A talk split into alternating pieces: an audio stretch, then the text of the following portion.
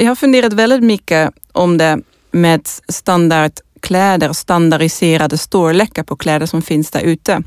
För det finns väldigt många kläder där ute men allting är um, en standardstorlek, eh, redan förproducerat. Uh, man kan inte ändra någonting. Och vem känner inte igen att man gå ut där, eh, uh, leta en plagg och hitta någonting, en fin klänning som är nästan perfekt eller som en byxor som sitter nästan bra. Um, men då är det bara att leta vidare för att man kan inte anpassa dem. Och det tycker jag är konstigt med tanke på att en kvinnlig kropp, för jag tänker mest på kvinnor eftersom det här är mest koll på. Alla kvinnor ser olika ut, alla kroppar ser olika ut, man har olika storlekar, olika längder. Eh, men i alla fall så storlekar är faktiskt gjort efter en kvinna som är 1,69 lång och har en visst mått. Och det tycker jag är fel och det vill jag ändra på.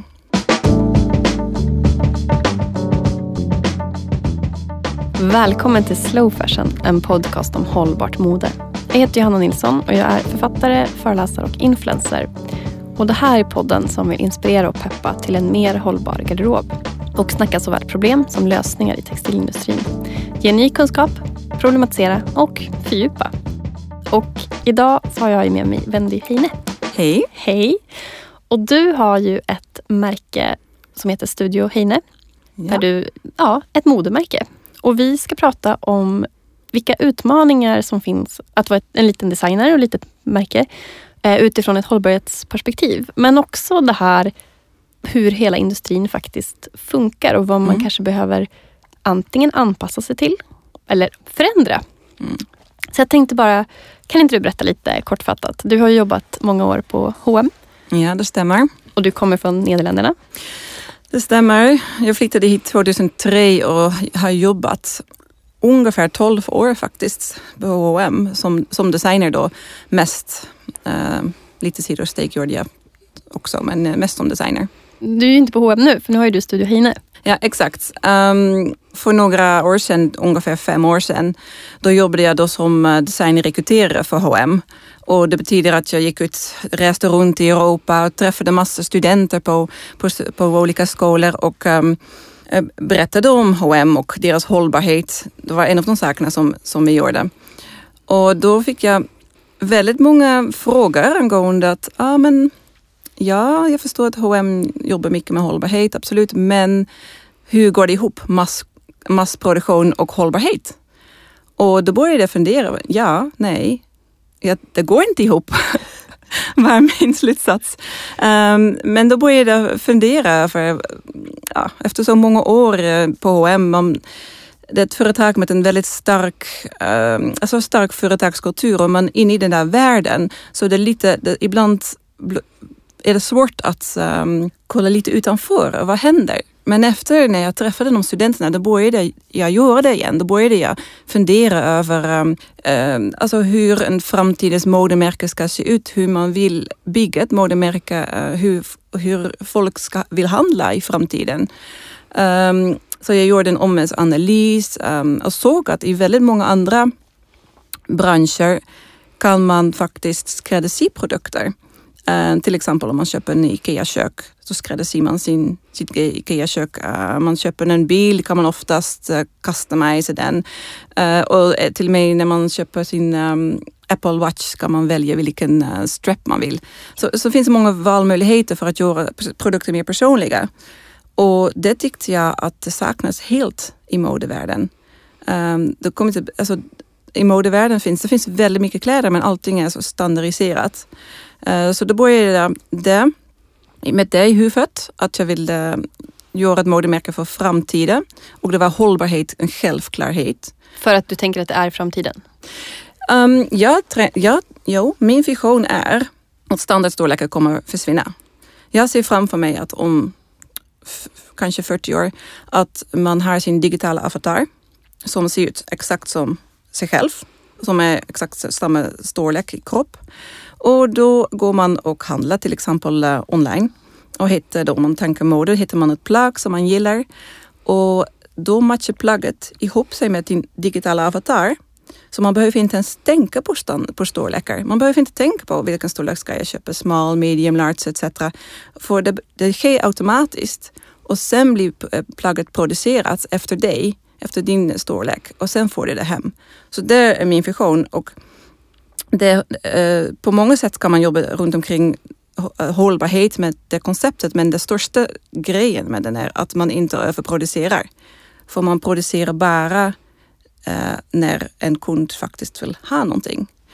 Ja, så det tycker jag är den största. Så kan man, finns det många andra hållbarhetsaspekter själv också. Man kan, det har ni pratat om mycket, har jag hört i andra avsnitt om material och sådana saker. Det kan man förbättra. Men eh, själva så överproduktionen, det är den som är den största alltså fördelen med att producera på det här sättet. Men blir det också att man använder, blir plaggen mer värda också för att man gör dem mer personliga? Mm. Ja, så ser jag också det. Um, om man tänker på mina kunder, de gör inte så ofta sådär spontant köp eller det krävs faktiskt lite mer um, tankar. Vad vill jag ha exakt? Um, och sen måste man mäta sin egen kropp så det, det, det krävs lite mer insats. Um, men då får man också ett plagg som man passar perfekt, är helt nöjd med och då blir det, får den mer värde i, i det i sig. Uh, så sköter man oftast bättre om plagget, håller det, den håller längre. Uh, så, så, absolut, det, det tycker jag också. Att man får en starkare relation och det i sig gör att man som sagt förlänger livslängden ja. på, på plagget eller vad man ska säga. Ja exakt. Ja. Mm. Om man inte har koll på vad exakt vad du gör, hur skulle du beskriva din design? Då tänk, tänker du min uh, själv, alltså hur det ser Färg ut? Färg och ja, ja. form. Jag tänker ja. nu pratar vi här men man får ju spana in det efteråt på sociala medier och så. Men Ja absolut, för självklart för ett, märke, man kan ha ett koncept men själva sådär märke är under en visst uttryck, en visst stil. Uh, och det, då står Studio Heine står för mycket färg och print. Men sen måste jag säga att allting är svart också. Just för att ha den balansen då kan man inte alltid suga på färg. Och sen eh, som ser ut nu är det kläder kan man säga från, från vardag till fest, lite mer från finare kläder ändå. Um, och väldigt mycket klänningar har vi nu. Vi har absolut också toppar och kjolar och så. Målet är att få hela garderoben, alltså all, alla plagg, alla basplagg i garderoben. Men just nu ser det ut som lite mer fokus på klänningar. Så om man tänker eh, material så jobbar ni mm. mycket i siden? Mm, ja det stämmer. Jag tror 80 procent av kollektionen är siden. Um, det är också någonting som vi utvecklar men nu ser det, just nu ser det ut så. Och vi har valt att jobba med siden för att det är en väldigt fantastiskt vackert tyg. Uh, passar väldigt fin i färg och print, passar väldigt bra med den där typen plagg jag gör. Plus att det är en hållbar uh, material. Uh, det kan man diskutera, det finns olika um, synpunkter på alltså detta. Ur ett etiskt perspektiv, men hållbart då kvalitetsmässigt, där håller det länge så att säga. Och sen... Ja, det är naturligt material. Mm. Um, och den, men när man producerar siden använder man inte alls mycket kemikalier, inte alls mycket vatten. Så jämfört med bomull är det mycket, mycket bättre inom själva processen. Mm. Och sen kan det självklart, så när, när man har använt under längre tid, för tiden är lite känslig, det måste jag ändå säga. Det, bomull är lite mer, alltså det kan ha lite mer beroende på vad man har för bomull och sådär. Så det är lite känsligt, så man måste ta hand om det, värde det, vårda det. Um, men sen på slutet kan den gå tillbaka till kretslopp, alltså i kretsloppen tillbaka till um, jorden kan man säga eftersom den är naturligt. Men det beror lite på hur den är färgad? Ja absolut, Om man ska, absolut. Då måste man tänka på massa olika saker. Mm. Uh, måste man tänka på vad man använder för färg, man måste tänka om man syr ihop ett plagg, vad man använder för tråd. Uh, om man har polyestertråd till exempel, då blir det redan ah, det funkar inte ihop uh, med tiden. Uh, Men har du tänkt på att de ska vara komposterbara? Eller går det att göra? Eller? Ja, det går att göra. Det är en process som vi jobbar på. Mm. Jag ska säga just nu inte, vi har polyestertråd just nu. Mm. Och vi har um, knappar som finns lite plast i också. Men det är någonting som, som vi ser i framtiden att vi jobbar, alltså har det som mål. Mm. Mm. Härligt. Jag tänker att just de här olika avvägningarna kring också hur ni, vart ni producerar, mm. eh, för det är i Baltikum så att det är ganska nära oss där. Eh, men alla de här olika, olika sakerna är ju liksom en del av det här hållbarhetsarbetet. Och mm. jag tänker, eh, som litet märke är ju det kanske inte ja, så här, varför använder du polyestertråd eller plast i knapparna om du inte riktigt vill göra det egentligen? Har det någonting med tillgång att göra eller? Alltså det är någon, först, just den förebilden är lite, det är ett ny eh, kunskap Mm. som börjar spridas. Som man också måste ta, eh, alltså, ta till sig som designer. Och det måste man ta nya beslut och och då får man uh, resources. Då måste man alltså, samla alla de där um, mer miljövänliga trådar och även mil- miljövänliga um, kvaliteter. Det, det är en jättestor eh, jobb att sourca dem. För Mm. Det är inte så enkelt att, att hitta. Nej, förstår. Men ehm, vi ska gå in lite mer på det sen. Men tänkte bara så att man får lite en slags bild av hur funkar modebranschen egentligen. Jag tänkte det som du var inne på med just standardiserade storlekar och att man Mm. kanske ja, man jobbar på ett visst Ja. sätt. Hur, hur funkar det? Ja. Liksom? Som designer på ett stort bolag till exempel. Mm. Men de flesta modemärken jobbar på ett sätt att de, att de eh, planerar en kollektion ungefär ett år i förväg. Eh, och då ehm, får de order från deras, alltså de, de, de gör en sample-kollektion kan man säga. Och det betyder Alltså att man, prover. ja, man gör prover. Ehm, och då om man jobbar med butiker, som de flesta gör, att de har sina produkter i olika butiker, retailers, Som återförsäljare. Alltså, ja, återförsäljare. Mm. De, då säljer de in dem till de olika retailers. De lägger sina ordrar och då produceras allting. Eh, och sen kommer det ungefär då, det blir ungefär ett halvt år senare kommer det i butiken.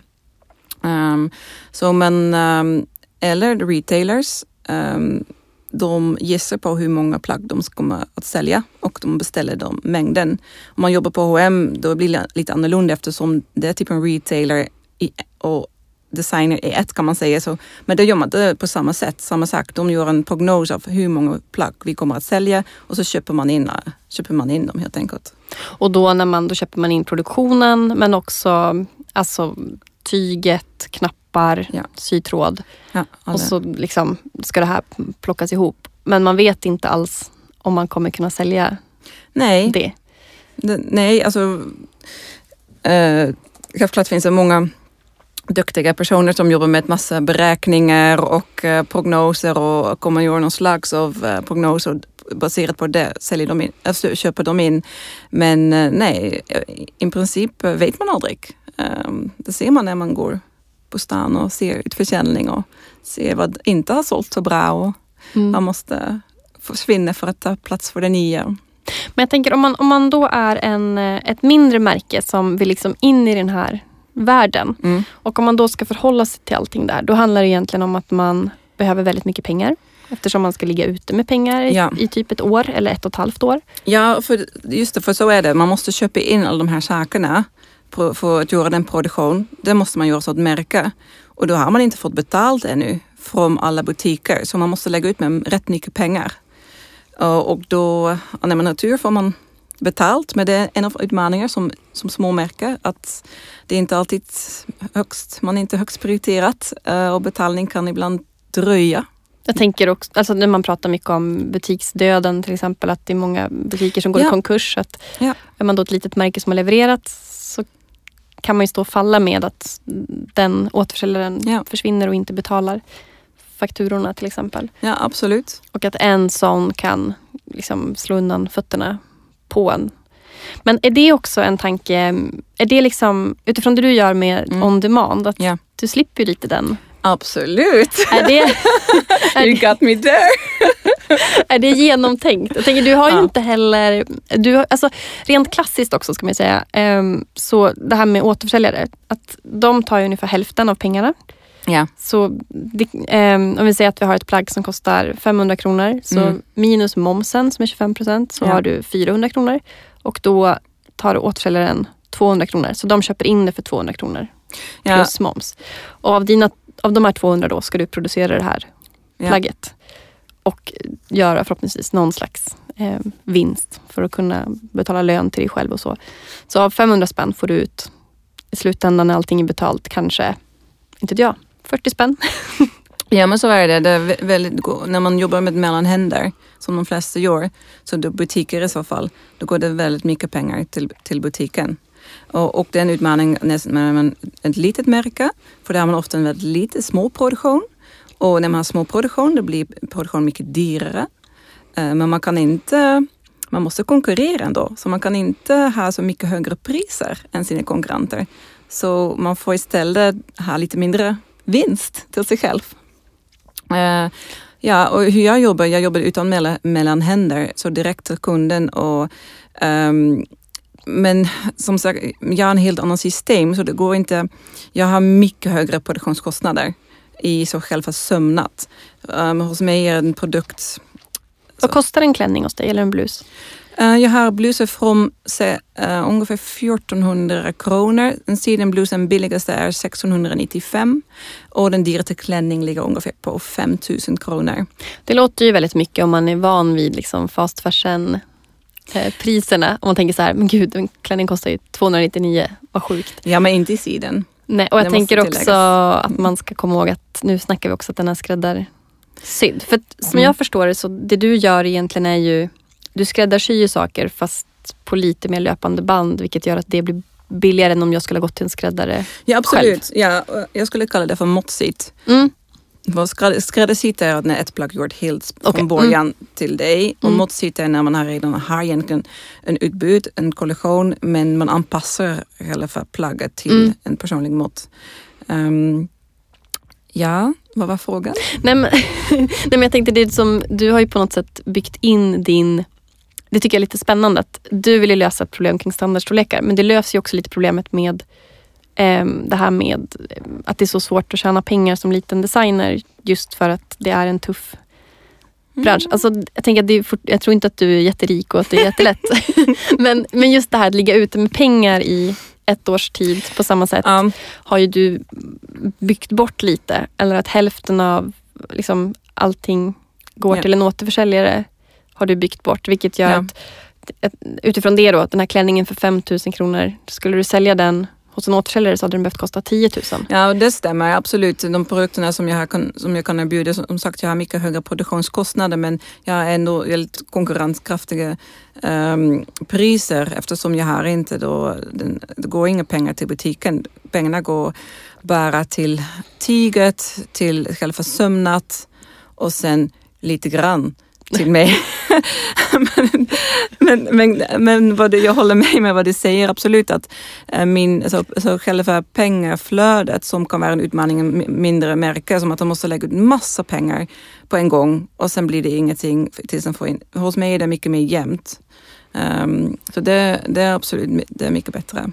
Det är det som är så spännande också. Jag tycker att det dyker upp mer och mer sådana liksom aktörer där man, där man kanske äger kanalen själv.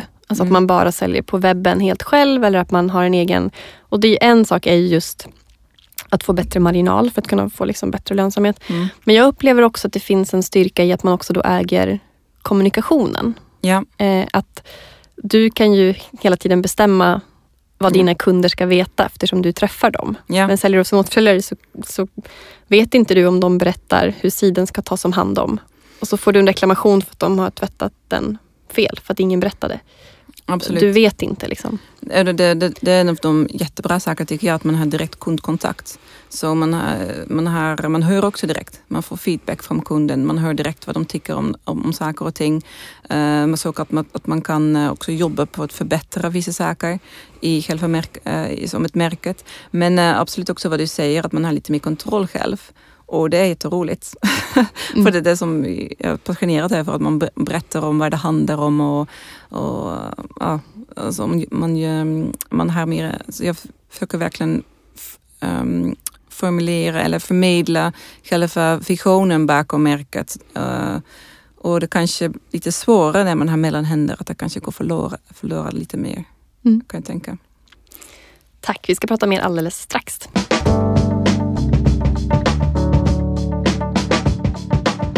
Nu har vi plockat in Maria Lagerman i studion. Och du har ju varit med tidigare i ett helt avsnitt om remake. Ja, det var underbart. Roligt. Ja. Och då jobbade du på Stats, eh, Stockholms Stadsmissions projekt, eh, eller koncept Remake. Ja. ja. Nu gör du inte det längre. Nej. Däremot jobbar du nu som konsult inom hållbara eh, och cirkulära affär, eh, som affärsutvecklare. Ja, ja. Stämmer. Mm. Med fokus på hållbart mode. Ja. Och vi ska spinna vidare lite grann på det jag har pratat med Wendy om. Just det här, vad kan man som... Vad finns det för affärsmöjligheter kopplat till det här med hållbarhet? Mm. Nej, men jag tror så här att det är inte lätt att vara ny, eh, ny företagare. Eh, det är eh, mycket som krävs för att faktiskt slå eller nå ut. Men jag tror att just inom, om man nu pratar om hållbart mode eller mode, eh, så tror jag jättemycket på tjänster nu. Eh, jag tror att det finns eh, många sätt där man också kan, om man inte redan nu har en affärsidé eller en produktion av någonting, så tror jag att har man idéer om hur man kan hjälpa befintliga företag att bli mer hållbara så tror jag att det är en jättebra affärsidé. Eh, det, det, och det är möjligt att, men det är jättemycket sånt här som händer nu. Så att, eh, det är många som gör det. Men om man hittar det här sättet som att de etablerade små eller medelstora företagen som redan har liksom har sitt system men som vill, och som vill ställa om till ett mer hållbart företag men har svårt att göra det. Så får man bara kliva in och hjälpa till. Sånt, det, det tror jag mycket på. Eh, har man egen produktion eller är ett nystartat företag som faktiskt har mycket omkostnader i en produktion, då är det ju lite svårare. Då tror jag att man behöver hitta sätt att nå en ny konsument. Eh, för här det är liksom förändringarnas vindar nu med hållbart mode och att bli mer eh, klimatsmart och alla de här sakerna bidrar ju till en beteendeförändring och den vill vi ju ha. Och det är då vi kan se, men här finns det ju behov att fylla. Att hjälpa antingen företag eller konsumenter, privatpersoner att själva bli mer hållbara. Så man behöver inte tänka att man... Jag tänker det är lätt att man kanske tänker så här, men jag ska starta ett nytt märke och då ska jag producera den här produkten. Men att det är viktigt också att komma ihåg att det är ett sätt men det finns väldigt många andra sätt man också kan få göra de här grejerna på. Ja, så. Och, jag, och jag tänker att det är, det är precis som ni pratade om, om tidigare så är det, det är så mycket man behöver förhålla sig till. Det är en jätteutmaning med material och transporter och hur man producerar och vem man ska nå. Just det här att nå ut bland alla andra företag som också ska nå ut. Eh, att det är en väldigt stor utmaning och då tror jag att Eh, det finns andra sätt, det finns andra typer av tjänster kopplat till mode. Om det är en mode man har en passion för och är driven att göra så tror jag att det finns andra sätt. Och då tänker jag till exempel på en sån här tjänst som att eh, styla second hand. Alltså hur kan vi hjälpa alla de privatpersoner nu som kanske inte till exempel har gått på second hand under flera år. Man tycker att det är svårt, man hittar inte. Men eh, när det gäller eh, nyproduktion så, så, så tror jag också jättemycket på det här äh, att komma närmare konsumenten. Eh, och då är det ju jätteintressant det ni pratade om tidigare kring eh, måttbeställningar. Liksom. Men jag tror också, det vi måste också komma ihåg eh, är ju att här, om du ska ha ett företag så måste du ha lönsamhet. Man kan tycka mm. vad man vill om det här med pengar och det systemet. Men har man inte den tanken med sig från grunden så blir det en hobby. Och ja. då blir det någonting annat. Mm. Så du måste veta hur du ska tjäna dina pengar. Mm. Um, och det kommer bli kämpigt. Men jag är helt övertygad om att när man liksom bygger ett bolag, oavsett om man tänker att det ska vara stort eller litet, så är det ju affärsmodellen som är liksom den största hållbarhetsbeslutet egentligen. Mm. Att handlar det om att alla dina pengar ska komma ifrån att sälja nytt, bara. Mm. Och kanske, om vi tänker på hur fast fashion funkar, att där pratar vi låga marginaler och då måste du upp på volym. Mm då är, det, då är det där du är och då är det svårt att göra det hållbart. För mm. du kommer som litet, liten designer eller litet märke alltid hamna i situationer där du har panik för pengar. Mm. För att vi alla hamnar där. Liksom. Man har inte så stora muskler och det är på marginalen som, ja, men som jag och Wendy pratade om att vi det är kanske så att man inte får betalt för någonting man faktiskt har levererat av någon omständighet och då, då kanske man kommer försvinna. Liksom. Och då är det klart att man kommer att rea ut allting för att rädda liksom det, man, det man kan. Ja, men det är en superutmaning och där tror jag liksom att jag har någon förhoppning om att, att vi kan ha en framtid som är mycket mer samarbeten. Ja, men jag tänker också just på tjänst. Att mm. Det är mm. lite där att dit jag skulle komma var att jag tror mycket på att, att inte bygga in sig i bara just nyproduktionen då. Nej. Utan att man också kan tjäna pengar på andra sätt. Vilket mm. gör att om man då För att alla kommer ju hamna i liksom att man behöver pengar Absolut. oavsett hur stor man är. Eh, och man kanske behöver dem snabbt eller vad man ska säga. Att då har man också andra typer av produkter eller tjänster som inte tär på jordens resurser i form av ja, men överproduktion. Nej. Utan att ja, men här, man kanske säljer egen second hand eller man har lagningsservice eller ja, inte vet jag, man gör events eller som sagt personlig Ja. shopping eller eh, styling eller Ja men precis som om vi tänker så här, eh, att eh, kombinera en garderob eller kombinera sin stil så tror jag att det också handlar om det i sin affärsmodell.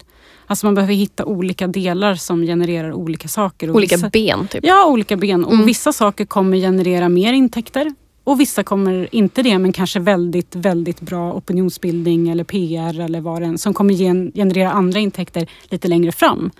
Eh, och då gäller det väl att man inte är för beroende av någon av dem. Så går en lite dåligt så kanske de andra kan eh, liksom väga upp. Mm. Och, men, att också, men det, det är ju det som också är superutmanande. Så här, vad är min nisch i mitt företag? Vad är det jag ska satsa på? Hur ser benchmarken ut liksom på alla andra som också gillar sånt som jag gillar? Mm. Så att det är också att man ska ta plats. Och, vara, vara liksom, och då, det är då jag tror att, att för att, ehm, att samarbeten med andra på olika sätt, även om man har ett eget bolag eller ett eget företag, eh, gynnar oss alla på sikt. Liksom. Att, att samarbeta kring vissa delar kanske man gör. Medan man har någonting som är helt eget.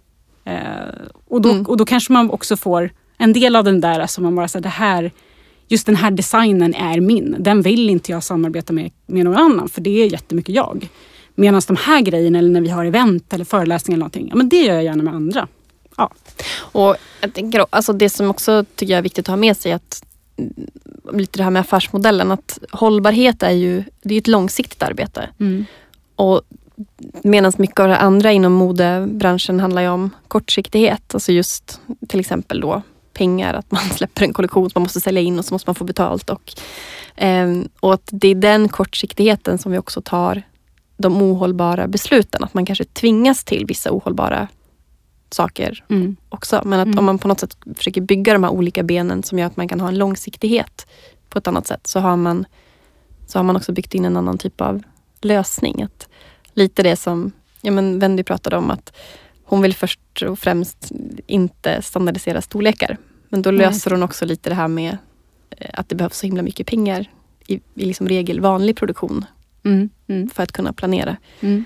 Eh, att det hela tiden finns man kan lösa flera saker samtidigt genom att tänka, tänka smart. Ja, precis. Och, det tror jag, och liksom också kunna utforska. För det brukar man också verkligen behöva göra i början när man startar nytt. Här. Man har en idé och man har en vision och sen är vägen lite krokig. Eh, och då gäller det väl att sprida just som du säger, liksom investeringsbehovet eh, behovet eller Risken. Ja, risken. Mm. Ja. Mm. Eh, Tack snälla Maria. Ah, tack. Ja. nu ska vi fortsätta att prata med Wendy. Men att vara liten designer då, hur, vilka hållbarhetsutmaningar skulle du säga är de allra, allra största? Förutom då vi pratat om att man normalt sett måste ligga ute med väldigt mycket pengar. Mm. Det är inte en hållbarhetsutmaning men det hakar ju ändå i liksom, till viss del. Man vet inte om grejerna är producerade i onödan. Mm. Typ. Jag skulle säga två saker. Den första är att man inte har så mycket, alltså det är egentligen alltså två saker som leder till, alltså det är en sak som är som egentligen orsakar de två saker. Att man inte har så mycket res- resources. Eh, uh, man, så det, det gör att man har lite svårare att, att kontrollera till exempel um, om man vill producera med olika, pro- alltså olika fabriker som ligger lite längre bort om man nu skulle vilja det. Uh, Då är det lite svårare att kontrollera hur de förhållanden är uh, för de människor som, som, som jobbar där.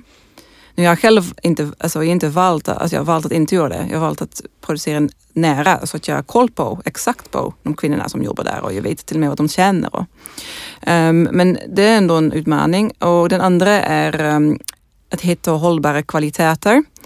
Det är en sak att hitta hållbara kvaliteter, det, det är redan en liten utmaning i sig. Men sen måste man också hitta de som de man inte behöver beställa tusen, tusen, tusen meter av. Så att man kan som en små märke att beställa bara ja, 20-50 meter. Vad kan kvantiteterna vara på annars? Eh, men det finns många producenter som har ungefär 300 meter som minimum. Och sen när man går lite längre bort till Kina så då har man ofta 1000 meter som, som minimum. Och det är inte hållbart för mig. Tänker du vill göra sju färger också? Det är alltså tusen meter av samma färg och tyg. Ja, exakt. Oftast ja. Mm. Så man måste tänka på lite andra, andra sätt att göra det. Och, men det finns absolut. Nu, nu, man, jag har jobbat ändå nästan tre år med det, så då, nu har jag hittat mina leverantörer och, och upptäckt ehm, fantastiska mässor som har bara hållbara kvaliteter och som är riktat också till mindre för, företag. Så det, det går att hitta. Men det kräver ju, jag tänker med resurser också, att det kräver ju research. Ja. Och som Maria var inne på lite grann, att man måste ju göra väldigt många olika man gör ju väldigt många olika saker och det kan vara svårt att hänga med i Mm. alla de här. Vi, vi, vi, jag och Maria pratade ju också om att ha olika ben men även om man bara har ett ben så Mm. ska ju du bli proffs på marknadsföring och ja, Ja. försäljning och Ja. kundkontakter och sen så ska du ta reda på vart den här knappen kommer ifrån och färgningsprocessen på tyget och Ja, ja, ja. liksom, man gör allt. Om en städerska också. ja. Precis, Nej, men- så ska du städa kontoret. ja, men så, ja, men så är det. Och det är klart att det, det bästa är att samarbeta med, med människor och det försöker jag absolut göra för att man kan inte allting själv och man, och man är inte bäst på allting. Eh, men det är en, som sagt en utmaning eftersom man inte kanske har så mycket eh, pengar för att betala andra människor för att just eh, samarbeta. Så man gör det på, på andra sätt, så man hittar samarbetspartners som man hjälper varandra istället. Um, det tycker jag är väldigt roligt och funkar väldigt bra. Mm. Alltså med andra märken egentligen, att man kan eh, Ja, både och eh, med märken, men det kan också att man byter ut tjänster. mm, men att dela tips och liksom. Mm, ja. mm, mm, absolut. Men sen har jag också hört att ehm, om man, det är kanske då om man producerar på liksom lite större fabriker och så, men att oftast blir man också en väldigt liten procent av deras produktion, vilket gör att man inte kan ställa så mycket krav egentligen. Ja, det, precis. Eh, Det har jag själv inte så mycket erfarenhet med. Mm. Ehm, Men jag vet, jag känner väldigt många i startup-världen. Eh, Och det är en utmaning också. Att man, ehm, ja, man kanske i sin produktion kommer för sent för att man inte blev prioriterat. Det var något annat som kom innan och så man, man har inte så mycket att säga till. Nej, absolut. Att, eller bara sådär att man det kan vara klurigt att kliva in och bara säga, jag tycker att eh, levnadslöner är jätteviktigt. Det är Eller sådana stora frågor. frågor. Nej, men det, det, att det, finns är, inte. det, är inte, det är inte gjort i en handvändning och det kanske är, ja, du, har liksom ännu sämre påtryckningsmedel kanske om du är som sagt någon procent av en, Ja. en produktion. Ja, absolut. Att, eh, ja, men du kanske inte prioriterar att få ut dokumentation eller certifikat eller på Ja. riktigt samma sätt heller. Absolut, och jag märkte i början, för då när jag sourcade mina första tiger, då frågade jag alla eh, massor frågor angående var kommer fibrerna ifrån, var kommer det ifrån, hur är det, så, eh, hur är det gjort, vad, vad, känner människor som det, har gjort det här, alltså alla frågor. Och eh, de bara, ja, jag kan skicka dig en certifikat.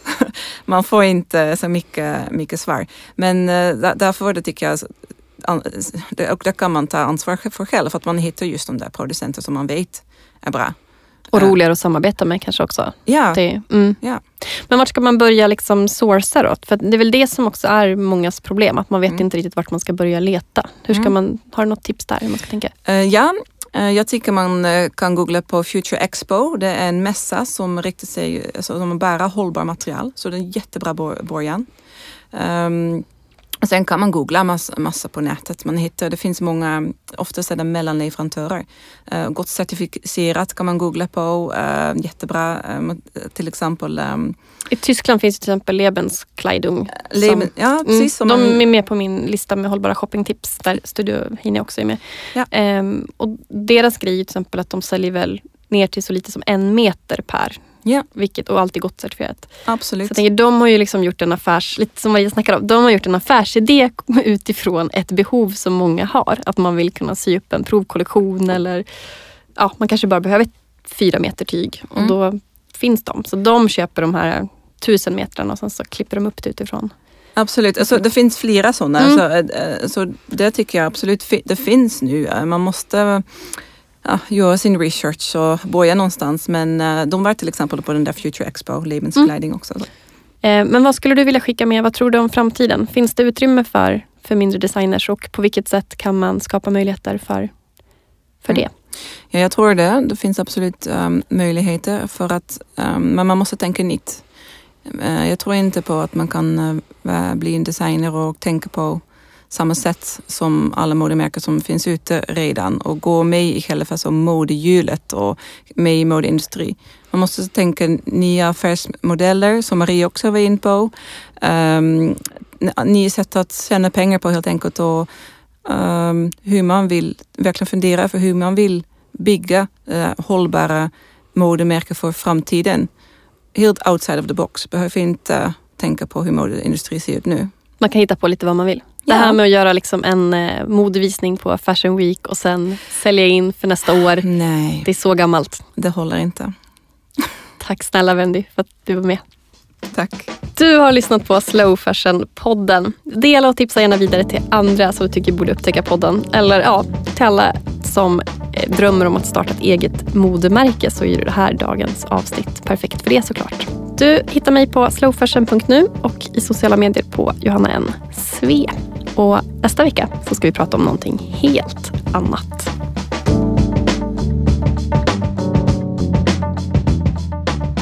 Det här programmet görs på Beppo. Beppo. Beppo. Beppo.